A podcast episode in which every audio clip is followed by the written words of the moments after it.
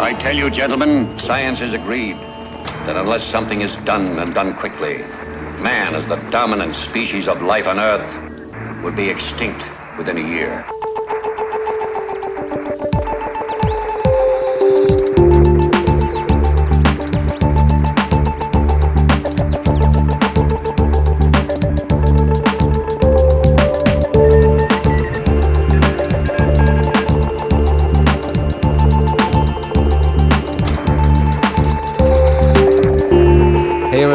Till avsnitt nummer 6 av Obiter Dictum som eh, denna vecka sänder live via kortvåg från ett skyddsrum under eh, Kungsholmen.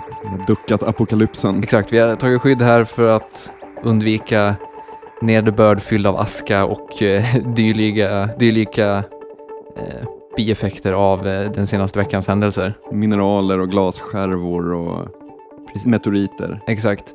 Det är, det är ju onekligen ganska ödesbådande stämning där ute. Ja, eh, det har väl varit det senaste veckan. Till att börja med framför allt. Det känns som att det har väl börjat... Eh, ja, det, har väl, det har väl sjunkit lite grann, de, det ödesmättade de senaste dagarna känns det som. Men förra helgen så kändes det ju nästan som att alltså, det var Mad Max. Att det hade börjat byggas bilar och jagats kaniner för att äta och så vidare. Precis, det var dags att eh, köpa konserver helt enkelt. Vattenfilter och gasmask. Och man, man var ju lite avundsjuk på så här survivalists där ett tag. Ehm, man tänkte fan, jag gick på den enkla och, in, och köpte inte deras grej. Liksom. Precis. Men hur är det egentligen där ute? Vi ska inleda veckans Obiter Dictum med en litet inslag faktiskt. Det är första gången. Ja, det, vi får se om det blir fler. Ja, vi får se om det blir fler. Eh, Vi eh, ringde runt till eh, lite folk där ute i världen för att se hur det egentligen är att vara strandad under vulkanens vrede. Jag sitter här med, vid poolen här med ett glas vin och tittar på solen. Så. Om det här är liksom domedagen så får den ju gärna komma. Springer om säger jag bara. Det är jävligt skönt här. Idag så har jag känt mig lite på semester. Jag menar, jag bor på hotell, jag kan gå ut och äta mat här och det känns nästan som att det är mer spännande att följa det här och följa det hemma än att vara del av det. Hej, eh, jag heter Per Boström. Jag är i Saint Vincent Montalt, eh, cirka två mil norr om Barcelona.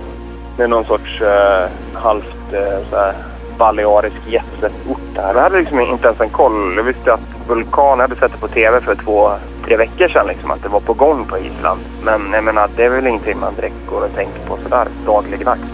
Så att det var taxichauffören på väg ut bara som på så här väldigt knackig engelska frågade så här, vart vi skulle. Ja, Stockholm och så bara åh, big problem, big problem. Vi tänkte okej, okej, det kanske är någon strejk av något slag liksom.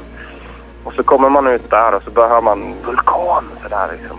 Vad fan, vulkan? Vi har väl inga vulkaner i Sverige men Jag heter Ylva Karlheimer och är fast i Tokyo. Ja, det känns ju lite jobbigt rent psykiskt att vara kvar här. Även om jag verkligen inte sitter i sjön, det kan man inte säga. Uh, Sara Martinsson heter jag och jag har tillbringat de senaste dagarna i London men just nu så är jag i Bryssel på vägen. När vi fick höra nyheten först var när vi satt och käkade frukost torsdags på vårt hotellrum och då samtidigt som eh, de pratade om det här som hade hänt och att de hade stängt flygplatserna och så, så flög det förbi ett plan över huvudet på oss liksom, eller över vårt hotell. Så att vi tog det ju inte riktigt på allvar.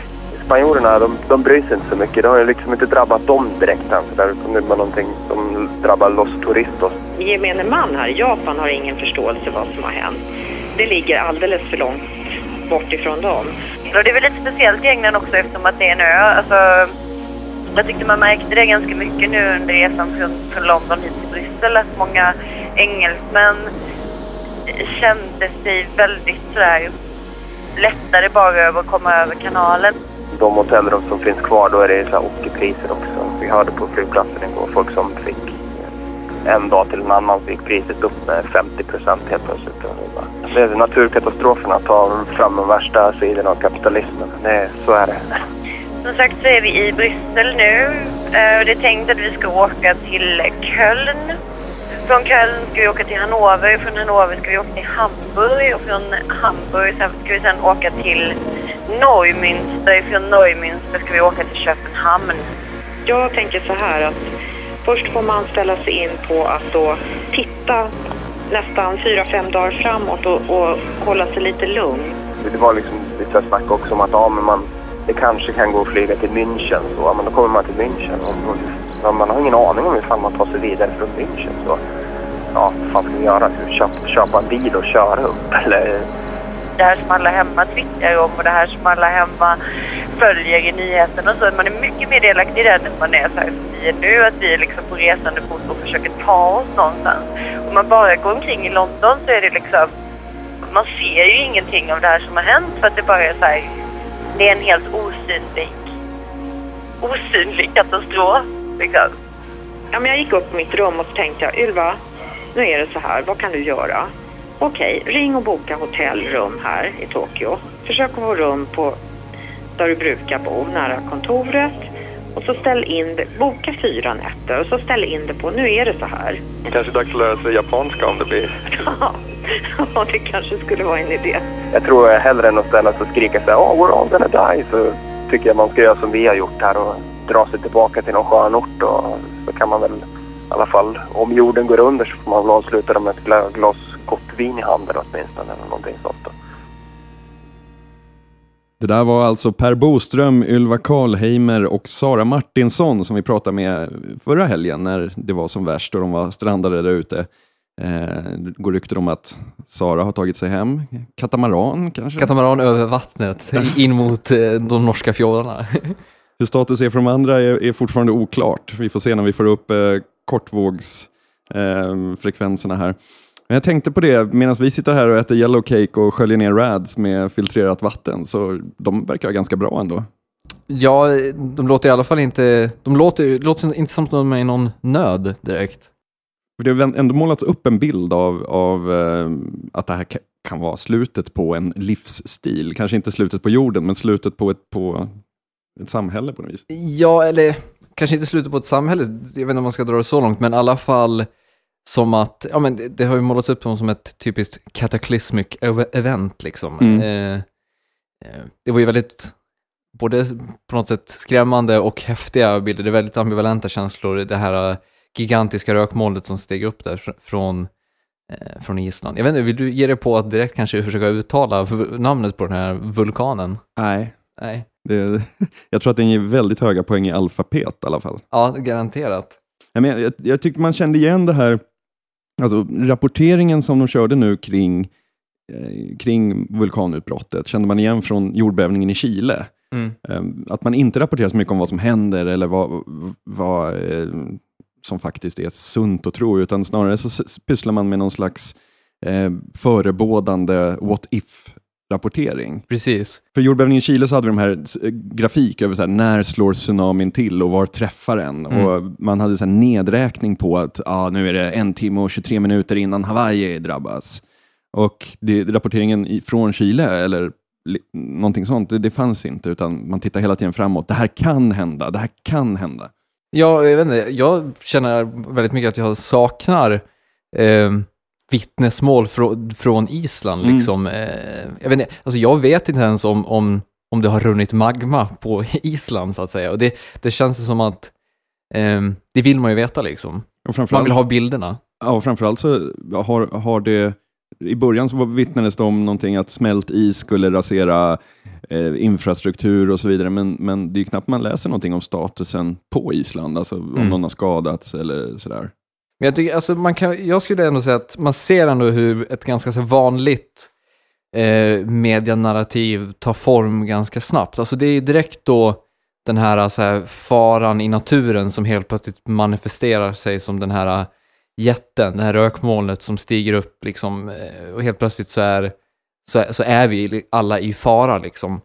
Eh, ja, det, den här gången så, det talas ju dels om att först då askregn, Eh, det talades även om att eh, den här vulkanen då eventuellt skulle kunna väcka Hekla, alltså mm. alltså den sovande jätten. Så, och, jätterubrik liksom. Precis. Nu kan den, det här kan hända. Ja. Men från det här narrativet sen då med, med den här naturens storhet som går till attack, eller om man ska säga, eller som liksom på något sätt gör oss uppmärksamma på vår litenhet. Eh, från, från det då så går man till eh, någon slags nästa steg i det här narrativet där man gör de här nedslagen eh, hos de här människorna som har drabbats. Liksom. Eh, tydligast har det varit för oss här i Sverige med de här med diverse turister i princip som Mm. har fått sina antingen hemfärder inställda eller har fått sina eh, ja, resor till diverse mm, platser inställda. Liksom. Så, såg du killen, klippet på killen i sk- skotten i Edinburgh? Nej, som eh, Youtube-klipp, BBC som rapporterar live från, från Edinburgh flygplatsen och så kommer en pissfull skotte och skriker I hate Iceland, I hate Iceland. I Hooters-tröja dessutom. I klass. Ja, men alltså jag vet inte, det känns ganska så typiskt ändå att man går från de här, från den här, eh, alltså det, det är ju ett, nästan i princip ett filmnarrativ. Alltså först, först har vi det här faran och sen har vi de här drabbade och sen liksom har vi att antingen så här så är det det sorgliga med att nej, nu blev det ingen semester för familjen Johansson här. De eh, får boka om sin resa till Gran Canaria och lille Bill gråter och mm, det är liksom en tragedi. Eller så har det här, Aftonbladet trummade ju på ganska mycket med det här att Aftonbladet hjälpte dem hem. Alltså det här med att så här, de som blir räddade, som har varit i nöd, liksom, eh, och de får någon slags eh, upprättelse och ja, så, på samma sätt får Aftonbladet någon slags cred för att de är goda, men, goda medarbetare som hjälper folk världen över. Liksom. Men jag kan tycka att det finns en, en, en slags fearmongering i det hela, att man eldar på ett förebådande händelseförlopp snarare än rapporterar om det. Det kanske har funnits lite prognoser om att det är möjligt att vi kan flyga i övermorgon, men ofta är det så här, vulkanutbrottet kan dröja flera år. Och det, det är väldigt mycket det här, det kanske inte blir någon sommar Mm. och så vidare. Jo, men jag tror att det är nog på något sätt ett slags tredje steg i det här narrativet, liksom att man... Eh, Förlåt, sabbar jag hela din modell. Absolut, absolut inte, Eh, snarare tvärtom. Nej, men alltså att man går då från de här vittnesmålen då från de här drabbade, så går man till, till det här, de, liksom, de här påföljderna kommer det bli liksom. Mm. Eh, nu, just nu så diskuteras det väldigt mycket ekonomi för de här flygbolagen. Liksom. Jag läste i DN här tidigare, vad heter det, att eh, SAS då, de kan överleva nu 158 dagar på de krediterna de har och så vidare. Det är liksom, nu, nu tittar man på, på det här, eh, ja, på följderna helt enkelt av det som har skett Mm. och, och studerar därifrån på något sätt vad som kommer hända efter liksom. Men jag läste en artikel där de skrev om vad effekterna blir på lång sikt och kort sikt. Och då var en effekt på lång sikt att vi inte kan köpa rosor på vintern. Ja, Och man känner så här, okej, men kom igen. Ja, Jag, det, precis. Men det känns också så här väldigt, alltså nu breddar man perspektivet. Från att ha haft de här barnen som gråter på Arlanda så har man, vad heter det, så skriver man om hur eh, ja, Jo, men- växt, växtodlare i Afrika inte får skeppa sina, göra sin export hit och så vidare. Liksom. Man ser ett globalt perspektiv ta form. Liksom. Man kan väl känna så här att om, om, om askan hänger kvar så länge att eh, den är kvar i vinter, eh, så att flygtransporten inte funkar då, då kanske liksom att vi inte kan köpa rosor eller färsk ananas, det kanske är det minsta problemet. Det borde, borde finnas större konsekvenser. Ja, men och sen, vad, vad fan är den här jävla askan? Alltså, jag, jag är uppriktigt, eh, jag har både en och två gånger blivit utlovad ett riktigt askregn nu. Jag, jag har gått genom regnet tre gånger tror jag den senaste veckan och jag har inte haft en svart fläck på mig. Eh, Jag är grymt besviken. Men som Sara sa i vårt lilla inslag, här, det är en osynlig katastrof. Eh, Precis. Och det är lite så här, då får man tänka på radioaktivitet. Alltså, man är extremt rädd för någonting som man inte kan se. Fast här kan, på ett sätt kan, eller så är tanken då att vi ska kunna se det. Precis, Alltså, att, att, precis. Och det är det på något sätt man väntar på. Eh, det var ju det som var liksom på något sätt där det fanns någon storhet i de här initiala bilderna då på det här gigantiska rökmolnet att så här, ah, alltså man ser verkligen eh, den här, Plume of smoke. precis, alltså the smoke pillar. Mm. Eh, men, men och nu, och nu då så går man, nu blir det ett gigantiskt antiklimax istället när man har gått och väntat på de här eh, visuella effekterna som inte kommer liksom. Mm. Men det är också en typisk, typisk för dagens me- medierapportering kring katastrofer tycker jag, att det kan bli det här, det kan bli det här. Och man blir nästan så här, oj, oj, oj, Mm. nu ska vi se det här. Och så händer ingenting. Nej, det är, man blir snuvad på konfekten helt enkelt. Frågan är om det kan få, eh, jag menar att, att man, man kan väl säga så att naturkatastrofer utan offer ehm, är ändå ganska så här, man blir lite engagerad i dem och tycker att det är kul att följa det. Ja, Ehm, men frågan är, när man ropar varg eh, ofta, eh, om, om det händer någonting som är på riktigt, alltså om folk kommer vara mindre benägna att ta till sig då, eller om man går igång lika mycket varje gång någonting sånt här händer. Alltså, jag tror man går igång varje gång. Alltså, eh, ta som, nu har ju den, den värsta eh, klimatrapporteringen eh, lagt sig, men för, för några år sedan, eh, framförallt kanske i kölvattnen på eh, Al Gores film, så var det ju liksom i princip varje dag, ja nu smälter polarisen, bla bla bla, eh, drick inte Ramlösa utan eh, drick ramvatten och så vidare och så vidare. Alltså det var, eh, ja det fanns dels liksom, dels en, en slags rapportering om att hoppet är ute och dels en rapportering om att nu måste vi göra allt för att vända det här liksom. Ehm, men den, har ju, den är, har ju liksom eh, bleknat något enormt de sen, det senaste året liksom, och den kommer ju garanterat komma tillbaka. Nu känns det snarare, just klimatfrågan så känns det snarare som att tidningarna spelar på liksom en slags ambivalens. Ja, men det finns kritik mot klimatforskning och det finns det som talar för att det, för att det är människan som har påverkat och så vidare. Eh, och det är liksom på något sätt att man, att man har det, att man ligger så här lite beredd. Mm. För, för, för vilken vändning den tar nu så har man liksom på något sätt lite grann garderat sig. Mm, absolut. Jag, jag tänkte på det i Alastair Reynolds senaste roman eh, Terminal World. Det utspelar sig, lite oklart var den utspelar sig, men en jordliknande planet i alla fall. Mm. Där det är, eh, finns olika zoner så att säga, där olika nivåer av teknik fungerar. Så att i vissa zoner kan du bara ha gasljus, medan i andra zoner så funkar till och med, ja men då, då är det lite mer steampunk med ång, ångdrivet, medan i eh, vissa zoner kan du ha jätteavancerad nanoteknik. Och det är väldigt problematiskt när du flyger, därför att Mm. det är egentligen bara med zeppelinare du kan ta dig fram, för att om du åker in i en zon som... Du är ju en stor zeppelinare-vän. Ja, absolut, absolut. Ja, men om man åker in i en zon som är lägre, eh, en lägre nivå tekniskt, Mm. så, så, så går det inte att eh, ha motorer och så vidare. Och det är ganska intressant nu, för nu har de delat upp luftområdet i zoner, Ja. där man kan flyga, Precis. där det finns risk och där man inte får flyga. Och jag tycker just det här, kartorna över det och liksom, bor du i rätt zon? Och, alltså det inte, Mm. hänvisar inte bara till Alistair Reynolds, utan även alltså, det här med zoner. Man undrar vad som var först, om det var så att populärkulturen, när de gjorde katastroffilmer och liknande, använde sådana saker som redan fanns eh, på plats, men som vi inte har sett. Mm. Eh, eller att det är så att narrativet nu lånar från populärkulturen. Så du menar att Europas makthavare har läst Alistair Reynolds och eh, blivit influerade om hur, hur man ska dirigera om flygtrafiken? Nej, men jag menar alltså överhuvudtaget i, i eh, medier, Ja. tänker jag snarare. Alltså idag när någonting händer, rapporterar man om det som man alltid har rapporterat om en, en katastrof?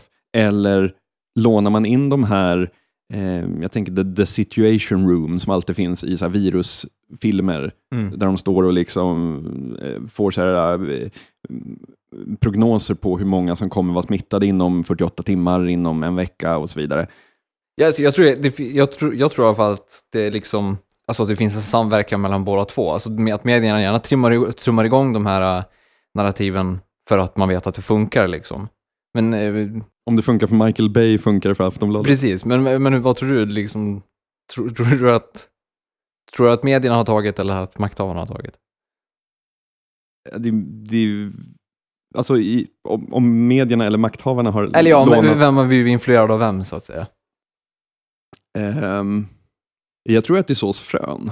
Alltså när, när man ser, alla ser ju de här filmerna och alla Mm. vet ju att, hur, hur det ser ut på film så att säga. Precis. Så jag tror att man använder sig ändå, ja, vi, kan, vi kan bortse från det här med zonerna, jag tyckte det bara var en rolig liknelse ja, med, med att, att den, den precis har släppts och att, att det här händer. Men om man bortser från det så tror jag att en sån här sak som ehm, alltså terrornivåerna i eh, USA, just här om det är liksom orange, yellow eller var, var, Mm. hur stor risken är för terrorbrott. Det tror jag är relaterat till att populärkulturen har gjort det här Defcon 1, Defcon 2-tanken väldigt tillgänglig för alla. Alla Jo, vet vad en jo. sån innebär, att oh, oh, vi är i Defcon 4 nu. Ja, Alltså, men det tror jag, det tror jag är nog en ganska skarp analys av det. Alltså att, eh, att man på något sätt, att man vet att det här kan människor relatera till och därför använder man det på ett sätt eller ett annat. Men även, alltså, när vi är inne på det här med, vad heter det, med just politiken, så Rasmus Fleischer hade ju en intressant, eh, han skrev ju om, eh, eh, vad var han kallade det, vulkanens politik, tror jag han kallar det. På, Vulkanpolitik. Vulkanpolitik var det, på Cop Riot. Där han skrev om liksom det här, äh, alltså hur svårt det är att politisera vulkanen, alltså eftersom att den Mm. är subjektlös och är snarare liksom naturen personifierad liksom. Mm. Och det tror jag alltså på något sätt att eh, där ligger liksom så det sista steget i det, i det här medienarrativet som kommer sen då pågå i eh, år framöver. Alltså det här när man ska granska makten, granska företagen, det här gjorde de rätt, kunde de vara mer förberedda? Alltså att man, gör, man politiserar hela händelseförloppet och, och liksom går in och studerar vad som har gjorts, vad som borde ha gjorts. Mm. Eh, och det känns som att det är det, om man pratar ur populärkulturs- populärkulturellt perspektiv, så är det ju exakt det steget som stryks alltid Mm. ur, vad heter det, eh, ur sådana koncept så att säga. Så man, man skiter lite grann i hur, hur det gick sen, utan det intressanta är nog att människorna klarade sig eller inte klarade sig liksom.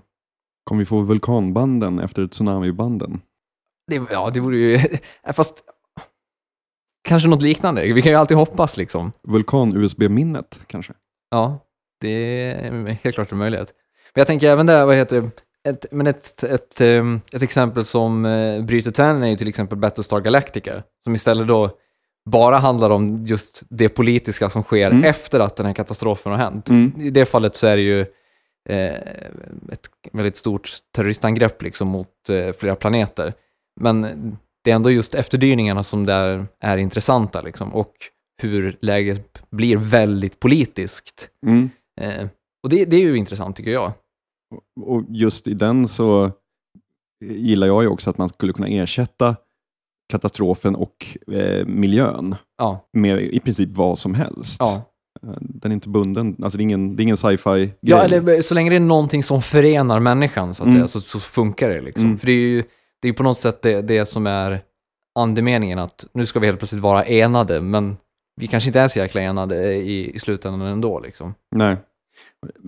Ett sista ord om det här med, med de strandade personerna, det tycker jag är att man alltid pratat, hela tiden pratar man om hur svårt det är för folk att komma hem. Men kom igen, vi, varför pratar vi inte om att vi är fast i Sverige? ja. det tycker jag kanske är det största bekymret. Det är ju vi som är strandade egentligen. Ja, liksom. precis. Någonstans i utkanten, någonstans i norr, precis. på någon longitud som ingen har. Men vad tror alltså, men hur, hur känner du inför hela det medienarrativet? Tycker du att man, alltså kan man kritisera det för att det, för, för att det trummar upp de här förväntningarna och, och Det beror ju på. Alltså, ja, det är underhållning. Jag ser det som Ja, underhållning. jo, det är, det är det. ren, Alltså, när jag har läst under förra helgen, när man läste då att snart kan Häckla vakna och sånt där. För mig är det ren, ren och skär underhållning. Det är ungefär som att läsa någon slags... Eh, det, det är lite som när H.G. Wells eh, War of the Worlds Ja. lästes upp på radio. Orson På, Welles? och de läste upp det precis som en vanlig nyhetssändning Ja, och fick liksom upplopp på gatorna därför att folk trodde att det här var på riktigt, att ett liksom, marsianerna hade landat och startat krig. Och, och Den var så väl skapad. Och Jag får lite den känslan, att det är liksom det är, inte ny, det, det är inte nyheter för mig, utan det är underhållning. mm. Och det kan man ju absolut kritisera och äcklas av, kanske till och med. Därför att det är ju en ganska vidrigt förhållningssätt. Men det är det enda förhållningssätt jag kan ha när jag läser det som man gör. jag förstår precis vad du menar. Det känns inte som att alltså, nyheterna börjar när hela eh, vad heter det, händelseförloppet är slut. Ja, För det är då liksom, om vi nu vill kalla det ett journalistiskt arbete tar vid, alltså när det är dags att diskutera, spekulera, analysera vad som har hänt och, och varför det har hänt och så vidare. Det är liksom, just nu så är vi bara, så är vi bara bojar som guppar ute på en Visst. ocean av uppgifter. Liksom. Och det är då de liksom, det är då akademian börjar skriva lite mm, genomtänkta saker om vad flygstopp, hur det påverkar Precis. samhället i stort. Alltså det är då man får läsa de här lite mer intressanta. Ja, bara en sån sak som med flygplanen nu, att man liksom man vet egentligen inte riktigt hur farligt det är att flyga genom de här molnen. Alltså man kan anta att det inte är särskilt bra, men det finns egentligen inget som talar för att eh, man skulle störta bara för att man flög in i ett sånt här moln. Nej. Eh, och bara en sån sak är ju någonting som man kanske vill ta reda på för, för framtiden, så att säga. Precis, för det är ett av de exempel där det hände. BA Flight 9 eh, 1982, de flög ju verkligen smack on en Mm. eh, aktiv vulkan i princip. De gjorde en Pippi Långstrump helt enkelt. Ja, Ja. precis. Att du nämner Pippi är ju en bra övergång till nästa ämne. Vi ska tänkte prata lite om vulkanens plats i kulturen. Ja, kanske framförallt populärkulturen. Som Pippi. Som Pippi till, till exempel. Ehm, Men jag, jag måste bara säga det, att jag har tänkt lite på det här med vulkanen som, eh, som eh, fenomen. Och andra naturfenomen, de har ju många så här talesätt och stilfigurer uppkallade efter sig. Mm. Exempelvis att marknaden har svämmats över eller att det kommer en flodvåg av nya deckarromaner. Man säger att olika saker ökar lavinartat. Man kan vinna en jordskredsseger. Mm. Eh, eller det stormar i företagsledningen. Men vulkanen är ganska sådär, alltså i vårt språk, den är inte så förekommande. Alltså jag tror att jag tror att det handlar om att vulkanen är alltså, relativt sällsynt. Alltså jordbävningar är det varje dag överallt liksom. Eh, eller ja, i alla fall på väldigt många platser på jorden. Vulkanutbrott är eh, ganska sällan liksom. Alltså Island är ju ett sånt här klassiskt undantag eftersom att det där är ett vulkanutbrott var femte år. Eh, men oftast så är det ju då väldigt små vulkanutbrott och så vidare. Eh, och det är liksom, Men borde inte det göra att man fascineras så mycket av det att det ger upphov till liksom, talesätt? Och... ja kanske, men jag vet inte, vad, vad tror du? Alltså vulkaner är ju på något sätt sjukt intressanta. Det är ju liksom någon slags portal in till jordens Mm. inre liksom. Det, det, fin- det borde ju finnas någonting sjukt mytiskt att spinna vidare på. Mm. Men det känns som att det gör man ganska sällan ändå. Mm. Men vi har, jag vet inte, vi- har ju båda sett, eh, inför det här så har vi båda kollat på eh, Volcano från 1996 med Tommy Lee Jones i huvudrollen. Eh, en ganska pajig film får får man väl säga, där, där, där, där ett vulkanutbrott sker i princip från ingenstans i eh, downtown LA. På grund av det extremt oetiska tunnelbanebygget. ja, precis. Eh, Det måste ju vara, det är vilken 90-talsmarkör det är, att ett tunnelbanebygge är av Ja. ondo. Precis. Ehm, men, det, det, men det jag tänkte på när jag, när jag, när jag tittade på den filmen, det, det, alltså det är ju verkligen det här att det är ju lavan som är det Mm. farliga liksom. Mm. Och jag, jag, jag drog direkt någon slags koppling mellan eh, lavan och zombien. Alltså, eh, framförallt då det här liksom, den rör sig, ganska långsamt framåt, men slukar liksom förr eller senare allting. Mm. Eh, och det, det enda människorna kan göra är liksom att rädda varandra och fly, liksom. Mm. Så här, springa därifrån, ta skydd. Alltså de här typiska sakerna som är, är med, med just zombies. Alltså det här, ob, den här obevekliga faran som liksom bara rör sig långsamt framåt. Ja men verkligen, det, det, det stämmer. För det är väldigt mycket, i, i Volcano så är det väldigt mycket så här stå två meter ifrån lavan Ja. och stå och diskutera vad man ska göra när den kommer krypande långsamt. Ehm, och sen i slutändan så har de inget annat att göra än att dra därifrån. Precis. Det är också, den bryter ju mot ja, hundratals naturlagar också. men, men alltså stoppar de ju, vad heter det, stoppar ju lavan med en, eh, en, eh, Vältbuss. Eller... Nej, är det inte, vad heter det, en, vad heter det, betongavspärrning? Ja, just det. De ly- lyfter betongblock och ställer i vägen helt enkelt. Det är Vi behöver inte diskutera nej, realism. Nej, men- exakt. Det är, det, är, det är kanske lite taskigt att sitta och klanka ner på Volcano för sin... Eh, den har ju inte direkt sådana naturvetenskapliga anspråk liksom. Eh, Men det, det jag tyckte var intressant med den och som jag tror är en, en anledning till att det inte finns så mycket bra vulkanfilmer, eller filmer, vulkangrejer överhuvudtaget. Det är det att en, en vulkan eh, tar ju väldigt många uttryck om man, om man säger så. Alltså det, det är gas eller ång, ångutsläpp och det är lavaströmmar, det är Regnande explosion, stenar. det är regnande stenar. Så i, I Volcano så är det ju så här att nere i tunnelbaneschaktet, där öppnas det upp en, eh, en spricka och ur sjön så sprutar det lava. Och det, man ser alla de här olika grejerna som en, en vulkan gör. Och Det tror jag kan vara en anledning till att det är svårt att gestalta den. Ja, men och sen tror jag också att alltså, det, finns även, ehm, eh, det finns även ett mått här av, av, eh, av att vulkanen på flera sätt är kanske inte ett så jättestort hot mot civilisationen på det sättet. Alltså i Volcano så, så får ju den här vulkanen ett utbrott eh, i LA liksom. Alltså där Mm. är det ju verkligen civilisationen som attackeras av naturen. Men det skulle ju aldrig hända på riktigt. Alltså, de flesta, eh, I de flesta fall i, i världen så har, har man ju sett till att inte ha städer eh, så nära vulkaner av liksom, historiska skäl, Pompeji och, och Mm. så vidare. Liksom. Fast å andra sidan har du typ Quito i Ecuador som ligger i, i liksom en dalgång mellan tiotal vulkaner. Okej, okay, då hade jag dålig koll på, på Quito. Men, ehm, men det känns som att det, det känns som att det, är ganska farfetched att göra en Hollywood blockbuster om Quito i... Ja. Precis. precis. Men där kan de ju inte ha tunnelbana därför att det skulle liksom trigga igång de här gamla bergen. Men du, du nämnde Pompeji och Vesuvius där och det tycker jag är intressant för jag tror att den, alltså de här gips, de här gjutna gipsfigurerna som man göt ur, ur askan och sånt, det är sånt alla lär sig som barn. Och jag tror att den skräcken, eller den, man fattar dramat och grejen redan där. Mm.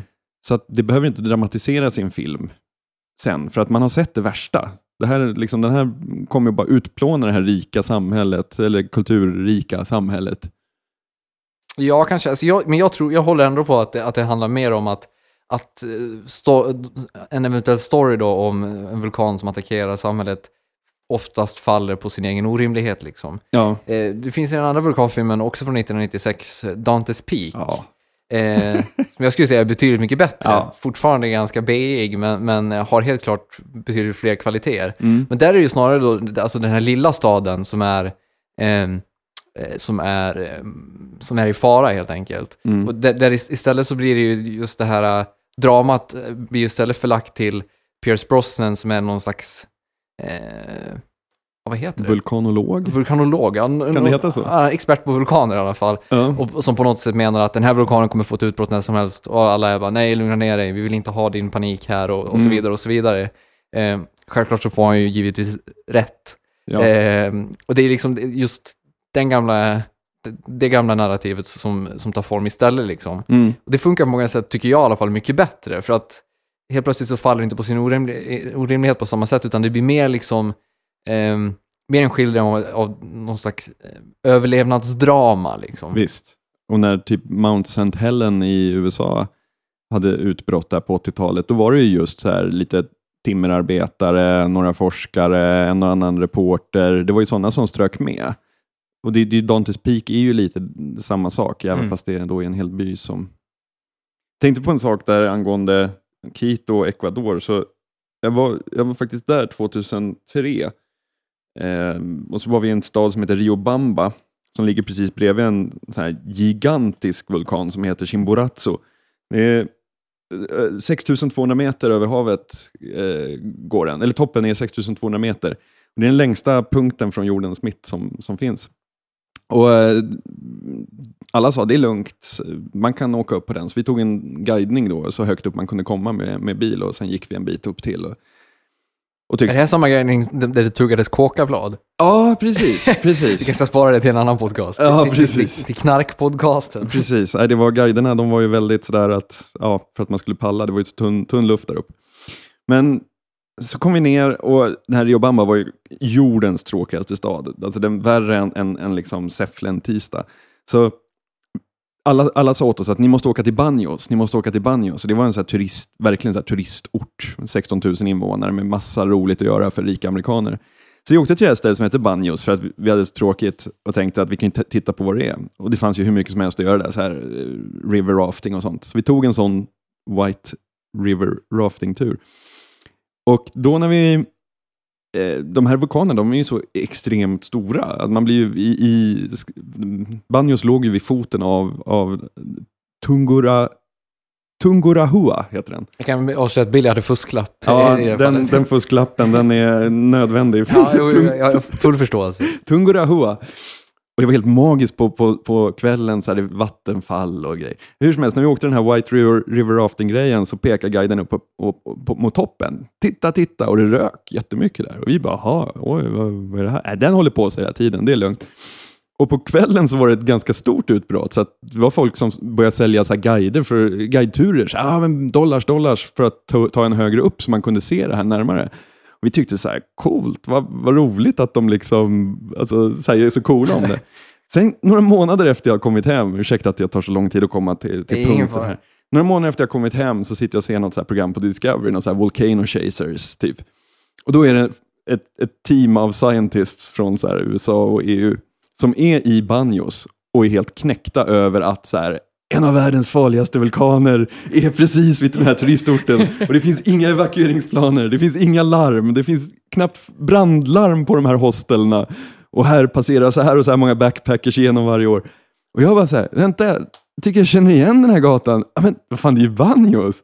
Så att de, eh, jag var tvungen att kolla upp det inför för det här programmet och eh, det var två kraftiga utbrott där 2006 och 2008. Det dog sju personer senast. Så att, eh, men de spelade jävligt coola omkring det. De var så här, ja, men, pröjsa så kan vi ta er till ett bättre ställe där ni ser. Men, nu- men hur ofta, är- har du koll på hur ofta det är utbrott? Ja, jag, jag läste om den och den har tydligen varit inaktiv fram till 99. Oj. Ja. när den plötsligt vaknade till liv igen. Men jag var ju där 2003, så det, det är bollmaj och rök. Och på, alltså, I mörkret så kunde, kunde man ju från vissa då närliggande toppar se hur det skvätte lava eh, ur den. Liksom. Att det, var, det var ju turistattraktion. Jag måste också berätta, jag såg en väldigt rolig bild här i samband med, med att eh, ja, det var vulkanutbrott på Island. Eh, det var då en, en eh, som en serietidningsframe och så stod det “Meanwhile in Iceland” och sen var det en bild på Mount Doom från Sagan om ringen. eh, vi kan säkert länka till den på, på vår blogg. Eh, men det, eh, det känns som att det är ju liksom på något sätt urbilden Ja. av en vulkan. Liksom. Alltså, Verkligen. den här, eh, vild, det här vilda naturfenomenet som liksom bara är helt okontrollerbart i ständigt kaos. Ehm, och samtidigt är liksom naturen manifesterad. Liksom. Mm. Och just i Sagan om ringen så används, används ju, eh, så används ju, vad säger man, domedagsberg på svenska? Jag är osäker Jag, faktiskt. för, mig- jag präglar av filmerna där man säger Mount Doom då. Ja. Ehm, just det, det är ju liksom någon slags, det, där ringen skapades och så vidare. Alltså det är Mm. någon slags portal till ett ursprung eller någonting. Eh, där, där ringen ska förgöras och där det, ligger mitt i, i fiendeland det här liksom. Och mä- människan måste nu ta sig till, till det här fiendelandet för att återigen kunna härska Midgård då liksom. Mm. Men det är ver- verkligen det här, och, eh, mm, u- ja, precis som du säger, ursprung, men något jag också tänkt på är ju att alltså en, en, om, man, om man tänker sig hur ett barn ritar en, en vulkan, Mm. eh, i själva verket så sprängs ju på sidorna och allting så här. men om man tänker ett regelrätt vulkanutbrott, liknar ju symboliken väldigt mycket med manlig sexualitet. Eller hur? Det, det måste, jag erkänna att det var en curveball. jag Ja. inte. Ja, men, och jag, har tänkt, jag har funderat på om, om det också är ett anledning till att, man inte, att det är svårt att ges- gestalta det på film. Alltså just det här, ja, det översvällande. Kanske. Eh, men å andra sidan så... Jag vet inte, jag är helt det här- ute och det- cyklar Det här kanske. blir, bisarrt i sig, men å andra sidan så, så ett vulkanutbrott pågår ju väldigt länge. Vi släpper det. vi, vi, släpper, vi, vi skiter i det. Men jag tänkte på eh, den, den tydligaste bilden av, av vulkaner i popkultur. Det är väl kanske i så här Kalanka när infödingar kidnappar dem och ska kasta ner dem Ja, i, jo, det är som offer. Även, liksom. även då gamla Tom Hanks-filmen, Joe och jättevulkanen, tror jag det heter.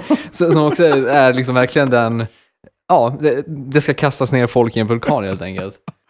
Det, men det finns ju på något sätt även där något slags så här, återvända till naturen, Mm. liksom. alltså återbördas, eh, ja men alltså på något sätt, Och det kommer, man associerar ju lätt till så här gamla na- naturreligioner, alltså aztekindianer och väldigt så basalt. det måste ju hänga upp med att vi inte haft så, så jättemycket vulkaner i, i väst, Ja, så överdrivet många ändå liksom. absolut. Men jag tänker även på ett väldigt, kanske mitt favoritexempel på eh, vulkanen. Vulkanen är en väldigt viktig symbol inom scientologikyrkan. Nu får vi väl akta oss så att vi får juristerna på oss här, men... men eh, ja, Bring 'em on. Bring 'em on. Eh, South Park kan inte mäta sig med oss. Nej, men eh, vad heter det? Eh, Vulkanen är en väldigt viktig symbol då inom scientologikyrkan eftersom att det var vid en vulkan på jorden då som rymdkejsaren Xenu eh, sprängde sprängde de här människorna med de här vätebomberna då som gjorde att, att de här tetanerna då som det kallas frigjordes och kunde bilda de här klustrarna som sen blev oss människor då. Och där är ju, alltså, det där låter ju som en fantastisk science fiction-film. Helt då, på, vad heter det, skriven av... Ring Tom Cruise. Eh, precis, helt skriven av, av eh, Ron L. Hubbard. Eh, och det är helt fantastiskt. Ja, ja, vi måste nästan ha ett avsnitt någon gång av Obiter Dictum med bisarra eh, liksom, eh, ja, teologier. Pre- Precis, bi- bisarra sektidéer eller Ja, vad man ska säga. Ja, men, ja. Jag vet inte, jag, jag älskar ändå idén med just vulkanen som en symbol för liksom, det är där, det är där destruktiviteten är på sin peak liksom. Och se nu den onda rymdkejsaren. Eh, Men är det här med i Battlefield Earth? jag vet faktiskt inte. Jag kom, jag kom, det, inte var, sett den. det var så lä- jättelänge sedan jag såg den, så att jag, det får bli en omtitt tror jag. Ja.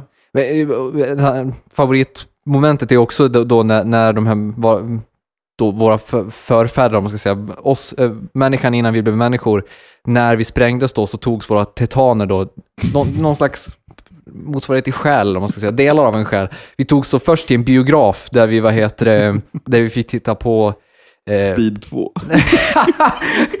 Nej, men det, det, det vi tittar på, heter det, så här, hjärntvättad, eller så film för att hjärntvätta så att vi skulle glömma vårt förflutna.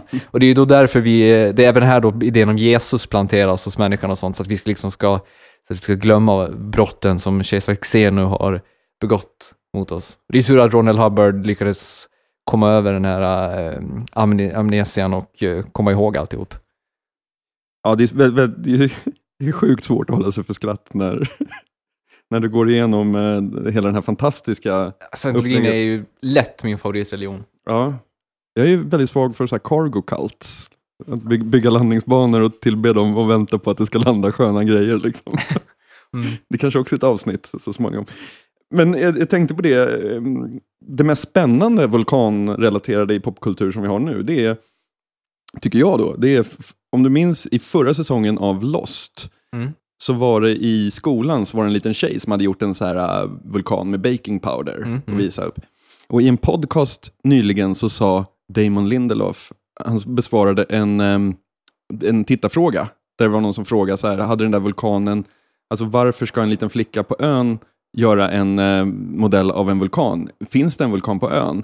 Och då så svarade Damon, Lindel Damon Lindelof, Yes, there is a volcano on the island. Och då är frågan, ska man läsa in där att vi kommer få se mer av den innan säsong, den här sista säsongen är slut, ja. eller inte? Det är jag extremt peppad på, vulkanrelaterat. Alltihop slutar med att det blir gigantiskt vulkanutbrott och alla dör. Ja, det kanske är så ön sjunker.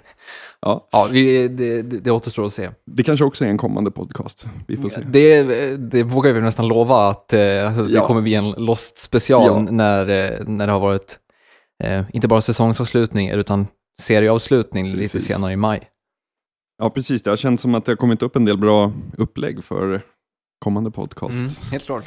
Jag eh, tänkte det börjar bli dags att avrunda, men vi ska ta ett, en liten fråga här som kom på vår blogg från eh, signaturen Insert Name Here. Och bloggen är alltså oddpod.se. Det går bra att kommentera saker där eller att mejla till kontakt oddpod.se. Vi älskar att få mejl kan vi säga. Ja. Och det är mer påhopp. Mer påhopp. Vill jag ha. Jag, jag vill, Mindre konsensus. Precis, jag vill öppna vad heter, mailboxen på lördag morgon och ha... Bli trollad. Och ha hatmejl liksom. Ja, insert name here. Han eh, skriver så här, eller hon kan det vara. Eh, han skriver, hon skriver. Insert name here skriver. Exakt.